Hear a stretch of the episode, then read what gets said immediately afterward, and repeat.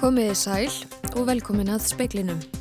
Umsjónarmadur er Hafdís Helga Helgadóttir. Flestir rúsnensku hermenninir sem barist hafa um í Mariupol í Úkrænu eru farnir þaðan eða á förum. Samkominnlag náðist í dag um að rússar og úkrænumenn skiptust á föngum. Úkrænu fórseti ávarpaði alþingi í dag. Hann hveitur Íslendinga til að slíta öllum viðskiptatengslum við Rúsland. Erlendur fjallaskíðamaður slasaðist þegar hann lendi í snjóflóði í hlýðarfjalli í dag. Hann likur nú á sjúkrahúsinu á Akureyri. Ný þjóðarhöll fyrir innanhús íþróttir verður reist sunnan við Laugardalshöll nær Suðurlandsbraut í Reykjavík og verður tilbúin árið 2025. Ríki og borg undirritiðu vilja yfirlýsingu um byggingu húsins síðdegis. Vinnumálastofnun fjælst á að taka mál áhrifa valdsins Kíjönu Sú Páver upp að nýju og veitti henni í dag atvinnuleifi. Flestir rúsnensku hermenninir sem hafa setið um Mariupol í Úkrænu undanfarnar vikur eru farnir þaðan. Árásir halda þó áfram á svæði Azov Stal, stálverksmiðjunar og rúsar og úkrænumenn náðu samkomulagi í dag um fangaskipti. Bandaríska varnarmálaráðunitið greinir fráliðisflutningum rúsa. Samkvæmt upplýsingum þess er megin hluti herliðsins á norðurleið í 8 Donbass svæðinu í austurhluta Úkrænu. Eftir í Mariupól eru um það byrj 2000 hermenn sem svarar til tveggja herrfylgja. Árásir á verksmiðusvæði Asofstal stálverksmiðunar hafa þó haldið áfram í dag. Þaðan átti að flytja á þriðja hundrað almenna borgara í dag. Ukrænskir eh, hermenn sem verja svæðið segja að skotið hafi verið á bíl sem átti að flytja fólkið á brott. Rúsnarska ríkisfréttastofan RIA Novosti segir að 12 manns hafi komist af svæðinu þar á meðal börn. Írena Veretsjúk eh, aðstóðar utanrikis er á Ukrænu tilkynnti á samfélagsmiðlum í dag að samkómulag hefði náðst við rúsa um fangaskipti. Að hennar sögn er 41 eh, ukrainskur fangi á heimleið þar á meðal 28 eh, hermenn. Þá fagnar hún við sérstaklega að einn af leðtúum ukrainsku réttrúnaðar kirkjunar sé meðal þeirra sem voru látnir lausir. Ekki kemur fram hversu marga rúsa ukrainumenn urða að láta lausa í skiptum fyrir ukrainsku fangana. Áskeir Tómasson sagði frá. Volodymyr Selenski fórseti Úkrænu kvatti Íslandinga til að slíta öllum viðskiptatengslum við Rúslandi ávarfi á alþingi í dag. Þetta var í fyrsta sinn sem Erlendur þjóðhauðingi flyttur ávarp í Þingsallen. Selenski hóf ávarp sitt á því að bjóða góðan dag á íslensku. Góðan dag, þetta er Volodymyr Selenski í Kænugardi. Hann þakkaði íslenskum stjórnvöldum fyrir að stiðja refsiaðgerðir gegn Rúslandi og hvati stjórnvöld til að halda þeim stuðningi áfram. Saðan að sérstaklega að þurfi að hætta að kaupa rúsneska ólíu og að skera þyrti á öll fjármálatengst við landið. Þá sagði Selenski að reynsla Íslendinga og sviði orkumála geti komið sér afar vel þegar að endur uppbyggingu kæmi í Úkrænum. Fyrst þyrti þó að vinna stríðið. Lógi Einarsson, formaður samfélkingarnar, sagði í samtali við fréttastofu að áhrifaríkt hefði verið að hlýða á ræðu Selenskís í Þingsal. Ég held að við höfum að gera allt sem við getum. Við eh, höfum auðvitað takmörkum meðöl en við eigum að beita öllum meðölum sem við höfum og gera það í samstarfi við okkar vina og bandalastjóðir sagði Logi. Gleðilegt væri að sjá órófa samstöðu í samfélaginum og á þingi. Þórdís Kolbrún Reykjörð Gilvadóttir Utaríkisráðara sagði að ukrænska þjóðin gerði það sem hún þyrti en hún gæti það ekki einu og þyrti á aðstóðað halda. Þess vegna höfum við gert allt sem við getum en veitum líka að verkun er ekki lókið og við setjum engan punkt við okkar, okkar hlutverk á meðan að stríða er enn í gangi. Stæði Þórdís Kolbrún Reykjörð Gilvadóttir, Þórgnýr Einar Albersson tók saman. Guðni T.H. Jóhannesson, fósetti Íslands, segir ávarp Úkrænu fósetta hafa verið stert og áhrifaríkt. Hann segir þakkavert að fósettin hafi fundið stund til að minna Íslandinga og mikilvægi samstöðu. Og það sem ég þótti magna líka var að finna að á þessari örlega stundu í sögu Úkrænu finnur fósetti landsins samt framtíðar von og eh, ákall hans til okkar um að verða þá líkað liði verður munað og við skulum þá saman vinna að því að þegar farað kemur að uppbygging í Úkrænu geti hafist að þá sínum við líka samhjóð í verki. Þetta var Guðni T.H. Jóhannesson. Erlendur ferðamaður á fjallaskýðum slasaðist nokkuð í dag þegar snjóflóð fjall á hann ofarlega í hlýðarfjalli. Maðurinn var ásamt þremur öðrum sem komi honum til aðstóðar en hann grófst ekki undir flóðinu. Viðbrags aðilar voru kallaðir til og komu sjúkraflutningamenn á vettvang. Sá slasaði var fluttur á sjúkrahúsið á Akureyri til aðleiningar. Við fengum tilkynningu löstur til kl. 1 um að það hefði snjóflóð fallið á svæðinu í Líðafjalli ofan og talsett norða við skíða liftunar og það hefði aðeili þar lent í flóði en uh, það sæjist í hann og hann, sagt, en hann væri slasaður. Er hann mikið slasaður? Ég myndi að það var svona talsvert en, en svo sem frek, óljóst með nákvæmari útlustun á því. Sagði Herman Karlsson aðal varðstjóri hjá lauruglunni á Norðurlandi Eistra. Anna Þorbjörg Jóns, Jónasdóttir talaði við hann. En ný þjóðarhöll fyrir innanhús Íþróttir verður tilbúin árið 2025 samkvæmt vilja yfirlýsingu ríkis og borgar sem undirrituð var síðdegis. Íþróttahúsið verður reist í Laugardal. Borgarstjóri segir að heildarskipulag hafi leikt í ljós að meira en nóg pláss sé fyrir þjóðarhöll í Laugardal. Þjóðarhöllin verður upp af núverandi Laugardalshöll í átta Suðurlandsbraut og mun þannig tengja Suðurlandsbrautina og Dalinn. Það er orðið að sankominlægi að kostnæðarskiptingin taki mið af því að sá hluti sem verður nýttu fyrir börn og úlinga, þrótt og armann, greiði borgin og skólaleikvöminna fyrir skólanir henni kring en það sem lítur að landsliðunum og alþjóðlegum kröfum um þjóðarhöll að það greiði ríkið. Í fyrsta lagi þá er laugadalurinn að mínu viti rétti staðurinn fyrir þjóðarhöll og það auðvitað var niðurstöða skýslu sem hér var unnin og síðasta kjörtímabili að þetta væri mjög físileg staðsetning. Ég veit það að mörg hér í þessu hverfi hafa beðið mjög óþreyjufull eftir úrbótum á íþróttaðastöðu þannig að það er auðvitað mín vona við náum lendingu í þessa kostnæðarskiptingu millir ríkis og borgar þannig að landsliðin okkar fái sómasamlega kettnisaðstöðu sem er auðvitað löngu tímabært en ekki síður að hér sé líka góð íþróttaðstað til æfinga fyrir bæði börn og fullánu í þessu hverfi en líka bara í borginni allri. Hvernig er ætlað að klára þessa samningaviðræður?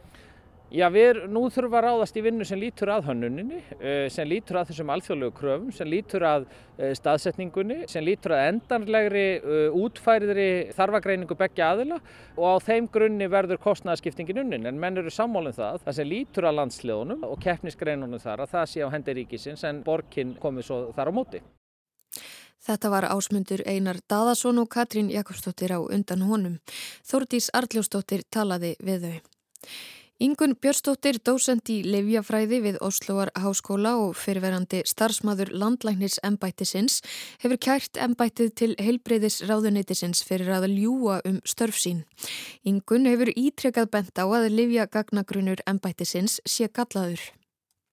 Ég fór að vinna þarna hjá landlækni í ágústbyrjun 2011 eh, og mánuður var ekki liðin þegar uppgöttaði að það var ein vill á síðan uppgöt þegar voru margar villur í mismatannlegum livjum. Ingun segist hafa rokkið við þegar hún sá villufjöldan. Hún fekk þá til liðsvið sig meistaranema í livjafræði til að skoða gagnagrunnin sem gerði rannsóknuna að lokaverkefni sínu.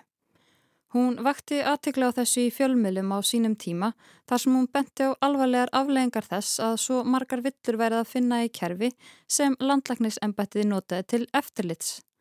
Árið 2014 lest kona á landsbítala úr ketagoneitrun. Ekki voru fullnægandi upplýsingar í livjagagnagrunni um konuna svo hún fekk á stóran skamt. Það er kona sem að dó á landsbítalanum í mælokk 2014 og sviðstjórin heldur því fram að það mál hafi verið byrjað áður en ég hætti hjá endaktinu. Ég hætti um áramót 2012. Ingun segist að hafa heyrt af málunni í fjölmjölum en það var hún ekki starfandi hjá ennbættinu á þessum tíma. Hún hafi þá bent á í fjölmjölum að gagnagrunnun stæðist ekki skoðun. Starfsmæður landlagnis vildi meina að Ingun hefði heyrt af málunni er hún var við störfju ennbættinu og því rofið þagnarskildu. Það sem ennbætti segir núna, þau segja að við getum tekið efnislega afstöðu þess afstöðu að eh, starfsmæðurinn sem skrifaði þetta breyf með þessum orðsannindum stendur að við fastar en fólktunum að þetta sé satt fjallaði um þrjú mál sem að öll hefði komið í fjölmjölum og þetta mál hefði komið í fjölmjölum í oktober 2014 Bornarámi þess að ég hafi semst við höfum þetta úr starfinu, ég hef sett þetta undir starfinu. Sagði Ingun Björnstóttir, urður örleikstóttir rætti við hana. Áhrifavaldurinn Kiana Sú Power fekk í dag dvalar og atvinnuleifi hér á landi. Senda átti hana úr landi síðar í mánuðinum eftir að vinnumálastofnun hafnaði beðni hennar og kærunemd útlendingamála staðfesti þá niðurstöðu. Power kom hinga til lands 2018 sem námsmaður. Hún fjall fyrir landinu og seldi ári síðar fyrirtæki sitt í bandaríkjónum og stopnaði fyrirtæki hér á landi. Hún vann fyrir ferðarþjónustun og fyrirtæki sem framlega fatnað fyrir útivist. Hennar beð því brott fyrir næstu dögum en hvað breytist? Það sem gerðist og við fengum bara tilkynningum í dag var bara svo ánægilega breyting frá vinnumálastofnuna þau fjallist á að sagt, endur upptaka málið og taki því nýja ákvörun og veita kínu atvinnulífi til að starfa hér á landi í, í sínu fyrirtæki. Segir Árni Helgásson, lögmaður hennar. Langa nú að því að við erum oft verið að gaggrina stopnarnir og svona, þá vil ég nú líka aðeins á að rosa vinnumál á stopnun því að það er tóku vel utan um þetta og hérna voru bara lusna miðaðar í þessu og hérna það var bara góð samvinna og það svona voru veitt þarna ákveðin gögn. Þannig að atvinnulefið er alltaf komið í höfn og, og svona í framhaldi af því þurfum við að ganga frá bara formsætturum við, við útlendingastofnun og kærunend útlendingamála um að fá þennar dvalarleifi hér bara gefið út sem við hefum vonað að ekki bara gangi hrætt yfir. Hvaða gögg voru þetta sem að breyttu þessu öllu? Já, þetta voru svona kannski bara nánari gögnum um, um svona hennar vinnu hér og, og meðan þessu unnið í bara samstarfið þau fyrirtæki sem hún hefur verið að vinna með sem eru stór í, í ferðarþjónustunni hér og, og svona bara, já, fallegu samtakamáttur þeirra sem að hafa verið að, að vinna með, með, með henni og hennar fyrirtæki og Sagði Árni Helgason lögmaður, Arnar Björnsson talaði við hann.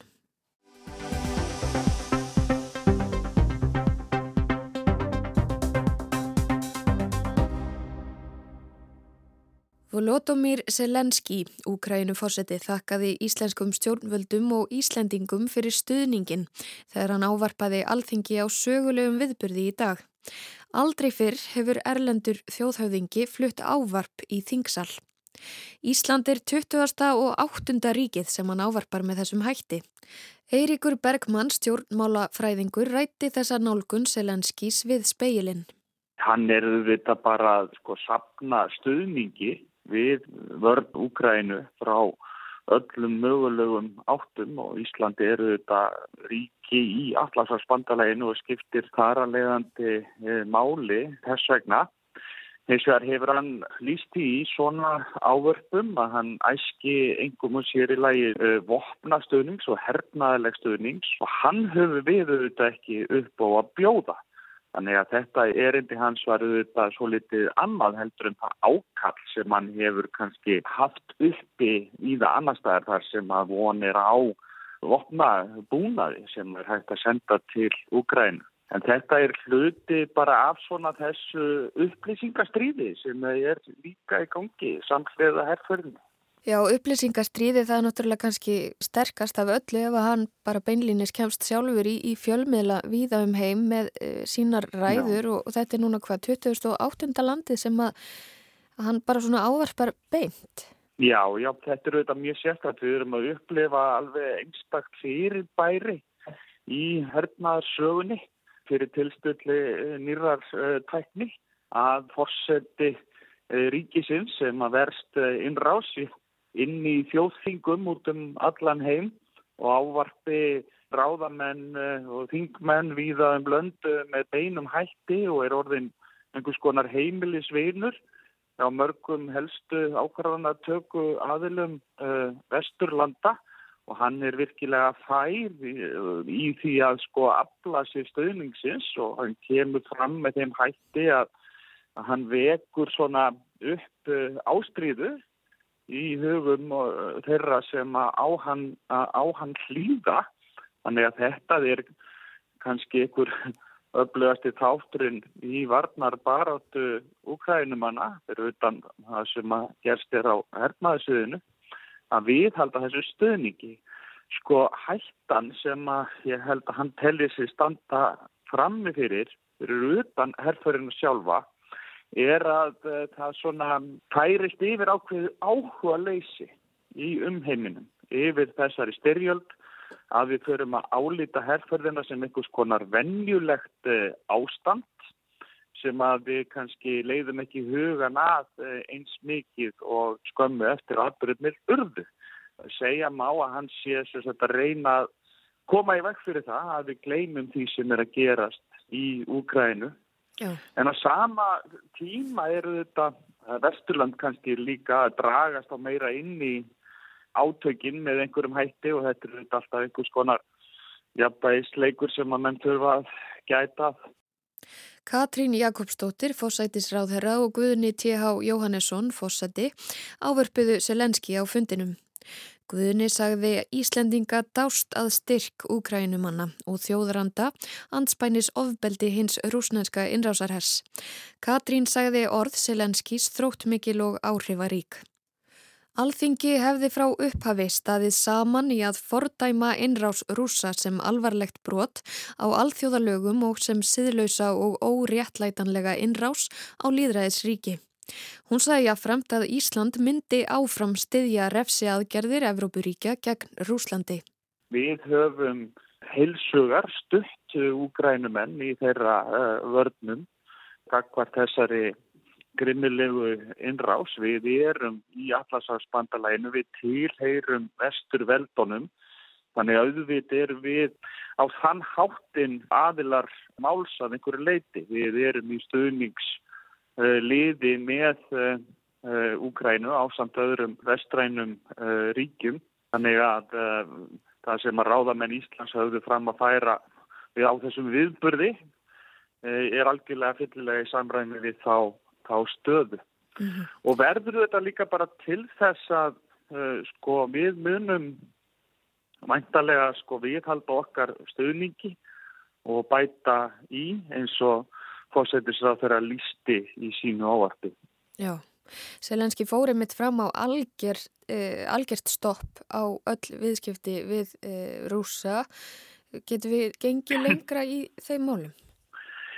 Það kann að vera að við getum gengið eitthvað lengra í þeim málum. Það eru einhver viðskipti á milli, eh, aðila og yfir til Rúslands um, og uh, það er eflaust uh, þarf að taka svona til uh, á einhverjum stöðum hvað það varðar. Við erum hins vegar svona í freka góðum málum hvað varðar orku viðskiptin. Það eru þetta fjölmörg viki í Evrópu sem eru háð þessum orkuviðskiptum við uh, Rúsland sem við erum ekki þannig að við erum svona auðveldra með að, að verða við þeirri beðni heldur eins og önnu ríki þannig að það er nú ekki það endala sem stendur upp á okkur en það gæti verið ennþá eitthvað í tengslu við viðskiptum með sjáarafurðir sem að kannski er að laumast í gegnum aðrar hafnir sem að þarf að svona fylgjast með. Mm -hmm. Kanski rétt í lokin, þessi svona ímyndarherrferð eða hvað svo sem maður getur kallað þetta, þetta er eiginlega eins og hann sé á, á svona kynningaferðalagi. Hverju hefur þetta skilað? Sko, Selenski er uh, sko verulega fær orðlistamæður og hann auðvitað kemur fram uh, svona sem einhvers konar flytjandi uh, þeirra skilabóða sem að úgrænum en hafa og það felur sko, framganga hans hefur orðið til þess að stöðningurinn út um heim hefur jafnvel orðið meiri heldur en að annars hefði verið. Og hugsanlega það mikill að hann kemur sko ráðamönnum í kremli að einhverju leiti í opna skjöldu og það er einfallega það sem hann er að gera. Hann er að tromma upp stöðningin, hann ferum, uh, flytur sko ástriðu miklar ræður sem að hylla áhrendur hans og það hefur bara gengið uh, feikilega vel og viðhaldið og aukið verulega við þann stuðning sem að Pæsadur var fram í upphafi. Við höfum líka átt okkur á því að eftir, sko, strax eftir innrásina þá voru viðbröðu Vesturlanda miklu hálfvelgulegri heldur um þau síðar urðu. Rauninni voru uh, viðbröðin ekkert sérstaklega kraftmikil uh, uh, fyrstu dagana og það er meðal annars vegna mála fylgju Selenski og Ukrænumanna sem að viðbröðin urðu kraftmeiri og aðgerðarnar fóru að, að býta meira og það er, það er einfallega það sem að stýri framgöngu Selenski á alþingi í dag á þjóðþingum annara vestræðna ríkja í alþjóðastofnunum og mun áfram verða á næstunni ef að líkum lætur. Sagði Eiríkur Bergmann stjórnmála fræðingur.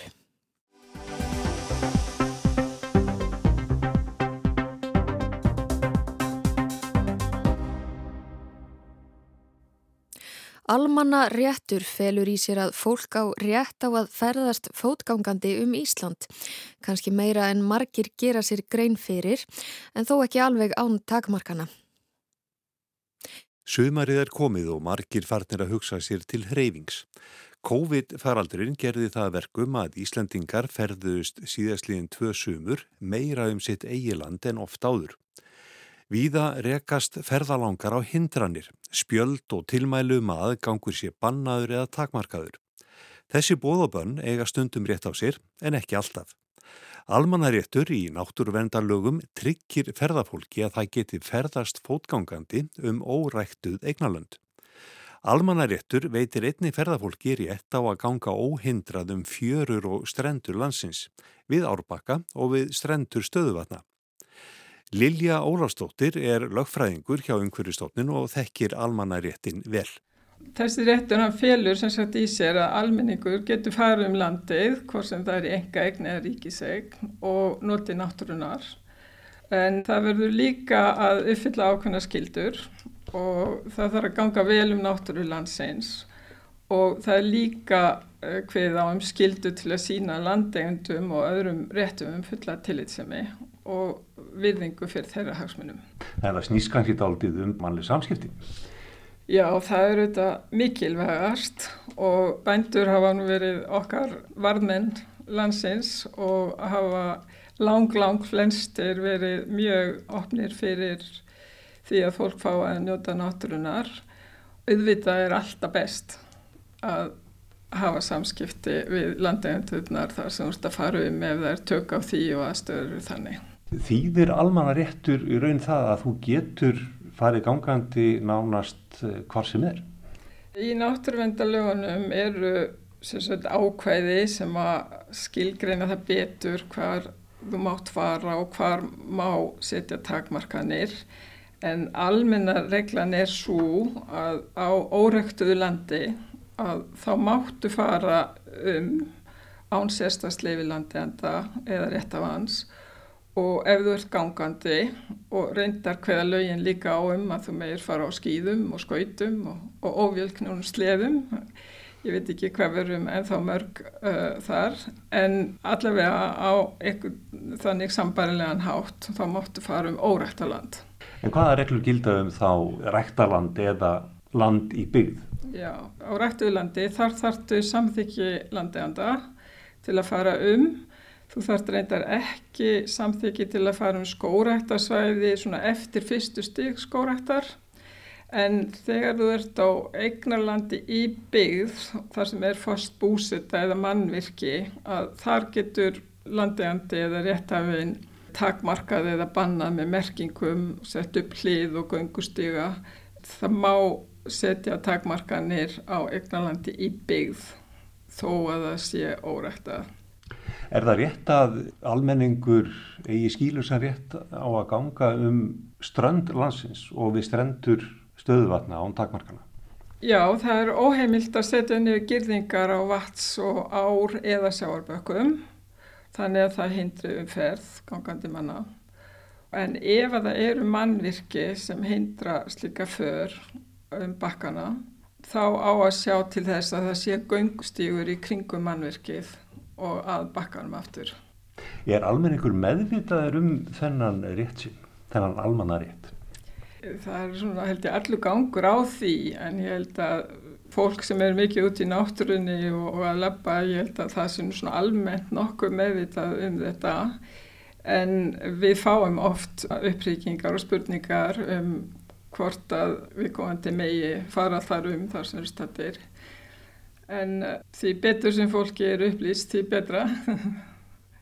Er eitthvað um það að landegundur að þeir setja upp skilti um takmarkaðan eða bannaðan aðgang án þess að þeir hafi raun og verið heimil til þess?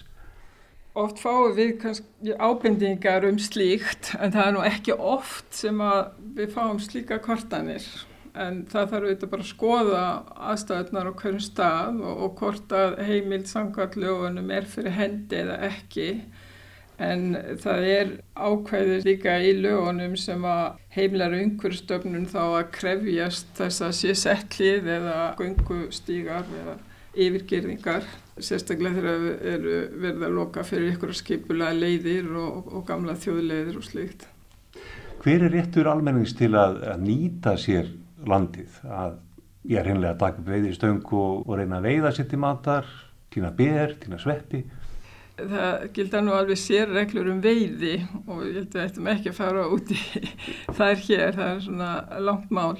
En það sem að gildir um til dæmis týnslu berja, sveppa og annara grasa þá eru mjög skýr ákvæði um að í þjóðlendum að þá megi týna ber og sveppi og fjallagröðs og, og þess aftar og líka fjörugróður fjörum en á eignalöndum að þá að fá samþykki landegjanda til þess að týna slík landgæði en það er hins vegar heimil til að týna til neyslu á staðnum Þannig að þegar þannig háttar þá þarf þetta ekki samþykki landegjanda en ef það ætlar að fara ykkur á almenna berjatinslu þá þarf þetta að fá samþykki landegjanda. Hvar er best að afla sér upplýsinga um þennan almannarétt? Auðvitað í lögunum um náttúruvend og það er nummið 60 frá 2013 ef einhver er verið að hóa en svo eru líka svona spurningar svör á heimasíðu umhverfstofnar þar sem við fjallarum almanréttin og þessar svona algengustu spurningar. Sagði Lilja Ólafstóttir, Kristján Sigur Jónsson talaði við hana. En þá að veðrinu vestlæg og síðar suðvestlæg átt 5-10 metrar, dálitlar skúrir eða slittuél en yfirleitt þurft suðaustan og austanlands. Snýst suðaustan 8-15 með rigningu og rigningu sunnan og vestanlands annað kvöld en mun hægari og bjartum landið norð-austanvert. Hiti 1-8 stig í dag, mildast suðaustanlands. Hlínar á morgun, hiti 6-12 stig síðdeis. En það var helst í speikli kvöldsins að flestir rúsnensku herrmenninir sem barist hafa um Mariupol í Úkrænu eru farnir þaðan eða á förum. Samkomi lag náðist í dagum að rússar og úkrænumenn skiptust á föngum. Úkrænu fórseti áverpaði alþingi í dag. Hann hvetur Íslendinga til að slíta öllum viðskiptatengslum við Rúsland. Erlendur fjallaskíðamaður slasaðist þegar hann lendi í snjóflóði í hlýðarfjalli í dag. Hann liggur nú á sjúkrahúsinu á Akureyri. Ný þjóðarhöll fyrir innanhús íþróttir verður reist sunnan við Laugardalshöll nær Suðurlandsbraut í Reykjavík og verður tilbúin árið 2025.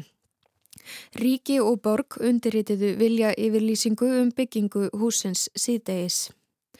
Vinnumálastofnun fjælst á að taka mál áhrifavaldsins Kíunu Sú Power upp að nýju og veitti henni í dag atvinnuleifi. Frétta hlutanum stjórnaði Yngibjörg Sara Guðmundsdóttir. Tæknimaður í útsendingu var Mark Eldredd. Verið sæl.